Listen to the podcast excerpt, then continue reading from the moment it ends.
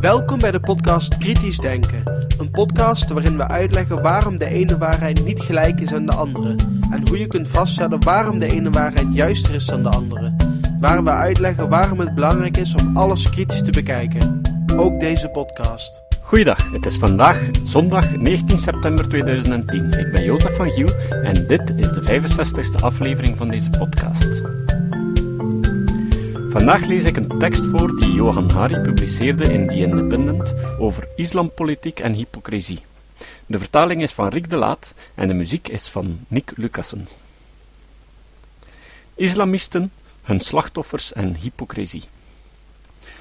Op de dag dat we twee Al-Qaeda-leden een verblijfsvergunning gaven, moesten twee andere jonge mensen voor de politie verschijnen om overgeleverd te worden aan mannen die hen zullen ombrengen.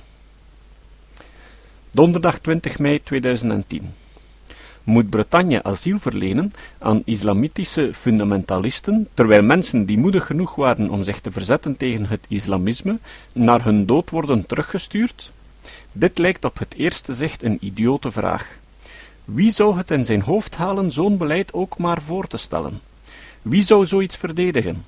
Maar de feiten laten zien dat we dat elke dag doen. Op de dag dat de Special Immigration Appeals Commission besliste om twee jonge Pakistanen die beweerden lid te zijn van Al-Qaeda deze week in Londen te laten verblijven, wachten twee andere jonge mensen op hun arrestatie door de politie om hen uit te leveren aan hun beulen. Hun tussen aanhalingstekens misdaad is weerstand tegen islamitisch fundamentalisme in naam van de mensenrechten. Kiana Firuz is een 27-jarige jonge vrouw die in het Iran van na de revolutie opgroeide en zich langzaamaan realiseerde dat als ze ooit zou toegeven aan haar natuurlijke neiging om een andere vrouw te beminnen, ze zichzelf zou blootstellen aan een straf van 100 zweepslagen. Als ze het nog eens zou doen, zou ze publiekelijk door ophanging worden terechtgesteld voor een joelende menigte. Markiana was overtuigd dat de vrijheid om te beminnen belangrijker was dan haar eigen veiligheid. Ze verzette zich door een film te maken die aantoonde dat er in Teheran, evengoed als elders, homoseksuele mensen leefden en dat die ook het recht hadden om vrij te leven en te beminnen. De politie begon haar te volgen en te bedreigen. Ze wist wat er met andere homo's in Iran was gebeurd, een kogel, een gracht en stenigende menigte, dus week ze uit naar Bretagne. Een land dat voor haar synoniem stond voor vrijheid voor homo's, en deed beroep op ons om haar leven te redden. We weigerden. Het Home Office zei haar terug te gaan naar Iran en discreet te zijn over haar seksualiteit. Maar de wet in Iran geeft discrete lesbische vrouwen geen vrijgeleide. Ze worden evengoed gemarteld en ter dood gebracht. Dr. Amit is een 29-jarige Pakistaan die me vroeg zijn familienaam niet te vermelden om redenen die dadelijk zullen blijken. Hij groeide op in de Punjab, maar al sinds zijn jeugd vond hij de religie, die door staat, moskee en school meedogenloos werd gepromoot, absurd. Waar waren de bewijzen voor deze God? Waarom zouden we zijn bevelen moeten opvolgen? In 2008 begon hij online aan een reeks artikelen die de islam en andere godsdiensten bekritiseerden. Hij wist dat mensen in de gevangenis werden geworpen, gefolterd en terechtgesteld omdat ze het hadden gewaagd Mohammed of de Koran of de macht van de geïnstitutionaliseerde islam in Pakistan aan een kritisch onderzoek te onderwerpen. Maar ook hier weer was hij ervan overtuigd dat deze vragen moesten worden gesteld als er ook maar enige vooruitgang wilde mogelijk zijn.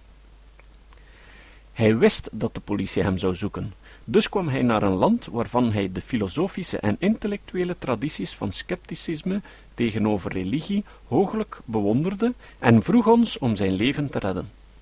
We weigerden. We zegden hem terug te keren en discreet te zijn in zijn oppositie tegen religieus fundamentalisme. Maar zijn artikelen staan op het net, zodat de niet zo geheime politie ze kan lezen en hem erom martelen.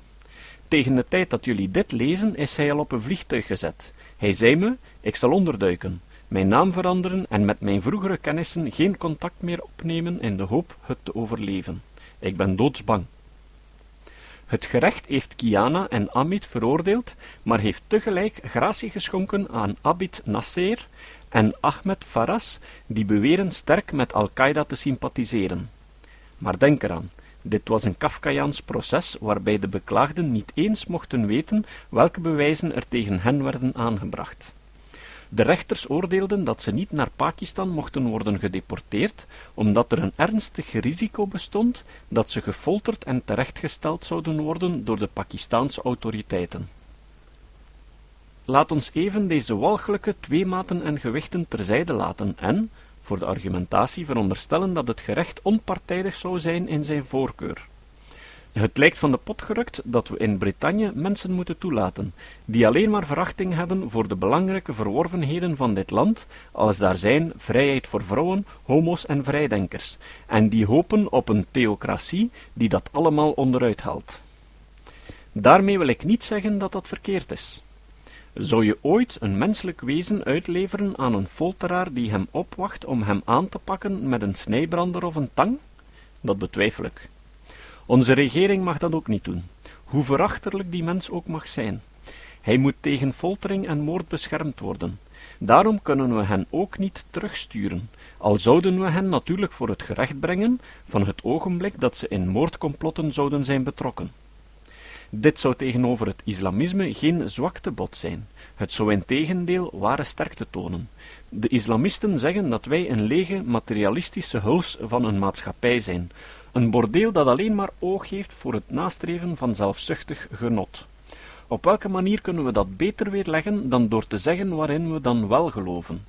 We geloven dat foltering absoluut fout is. We geloven daar zo sterk in dat zelfs jij, die ons haat en ons wil doden, er tegen in bescherming moet worden genomen. Deze benadering is veel effectiever dan het neoconservatief gekrijs om waterboarding en bombardementen. Toen ik de groeiende beweging van jonge moslims in Brittannië, voormalige jihadisten en opgeleide zelfmoordterroristen, maar die zich nu bekeerd hadden tot de democratische waarden, interviewde, viel mij één ding op. Telkens als wij ons gedroegen als de acteurs in een van Osama bin Ladens scheldtirades, door burgers te folteren en te doden in onwettelijke oorlogen, overtuigden we hen meer en meer dat hij gelijk had en besloten ze terug te slaan. Maar als we weigerden in dat script mee te gaan, kwam twijfel opzetten. Om één voorbeeld uit velen te geven. Majid Nawaz zat in de gevangenis wegens deelname aan een extreem-islamitische samenzwering om de regering van Egypte en Pakistan omver te werpen en hun kernwapens buiten te maken.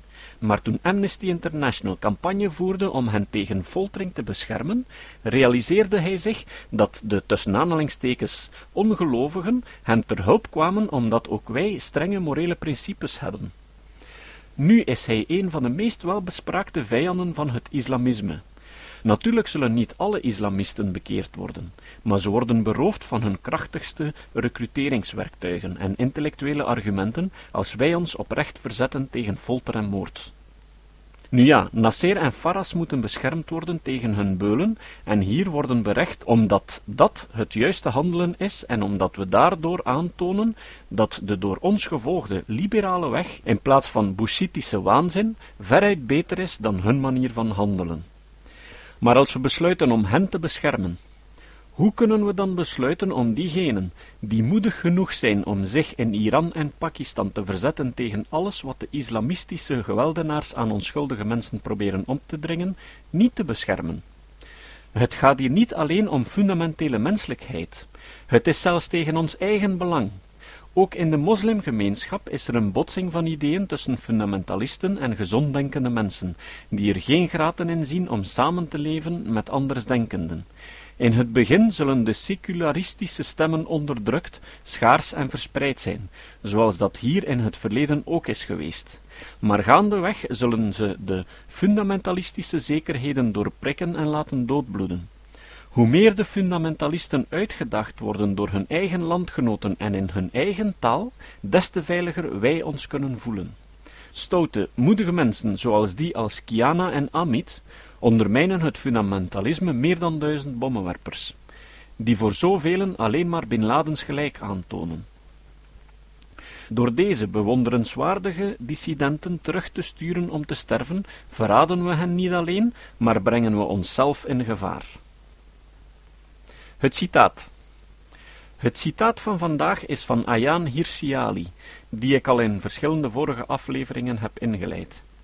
Hirsiali zei: In een open samenleving is vanzelfsprekend plaats voor religie, maar dan wel als een religie die in vrijheid wordt beleden.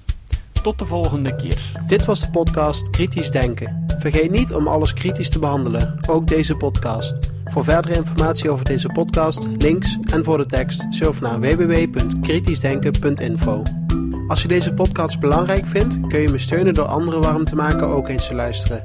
Stuur een e-mail naar vrienden met een link naar de website en plaats de link in de handtekening van je e-mails. Tevens kun je op iTunes deze podcast een beoordeling geven of een recensie schrijven. Of je kan op je eigen website of blog een link naar kritisch denken plaatsen.